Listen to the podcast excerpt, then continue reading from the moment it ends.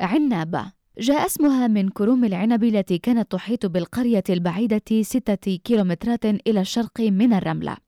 يقول أهلها في دراسة أعدها الأرشيف الرقمي الفلسطيني في جامعة بيرزيت إن اسمها جاء لأنه كان فيها معامل لصنع العصير. تأتي عنابة على تلة صخرية تطل على السهل الساحلي.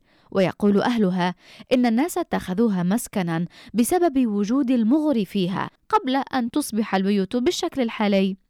حسب إحصائيات الانتداب البريطاني كانت مساحتها أواخر الانتداب 12 ألف دنما و850 وفي عام 1945 عد أهلها 1420 نسمة. أقام الاحتلال على أراضيها عام 1950 كفار شموئيل. بيوت القرية تدمرت بالكامل وإن زرتها ستجد الحجارة مكومة مكان البناية التي كانت قائمة.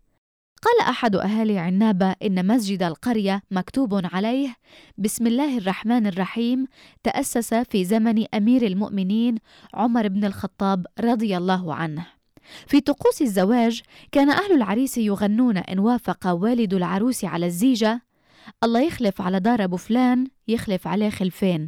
طلبنا النسب منه وأعطانا بناته التنتين. الله يخلف على أبو فلان يخلف عليه في الأول. طلبنا النسب منه أعطانا غزال مصور.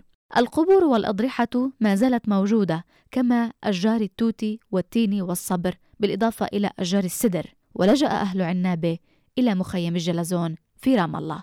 لشبكة أجيال أسيل دزدار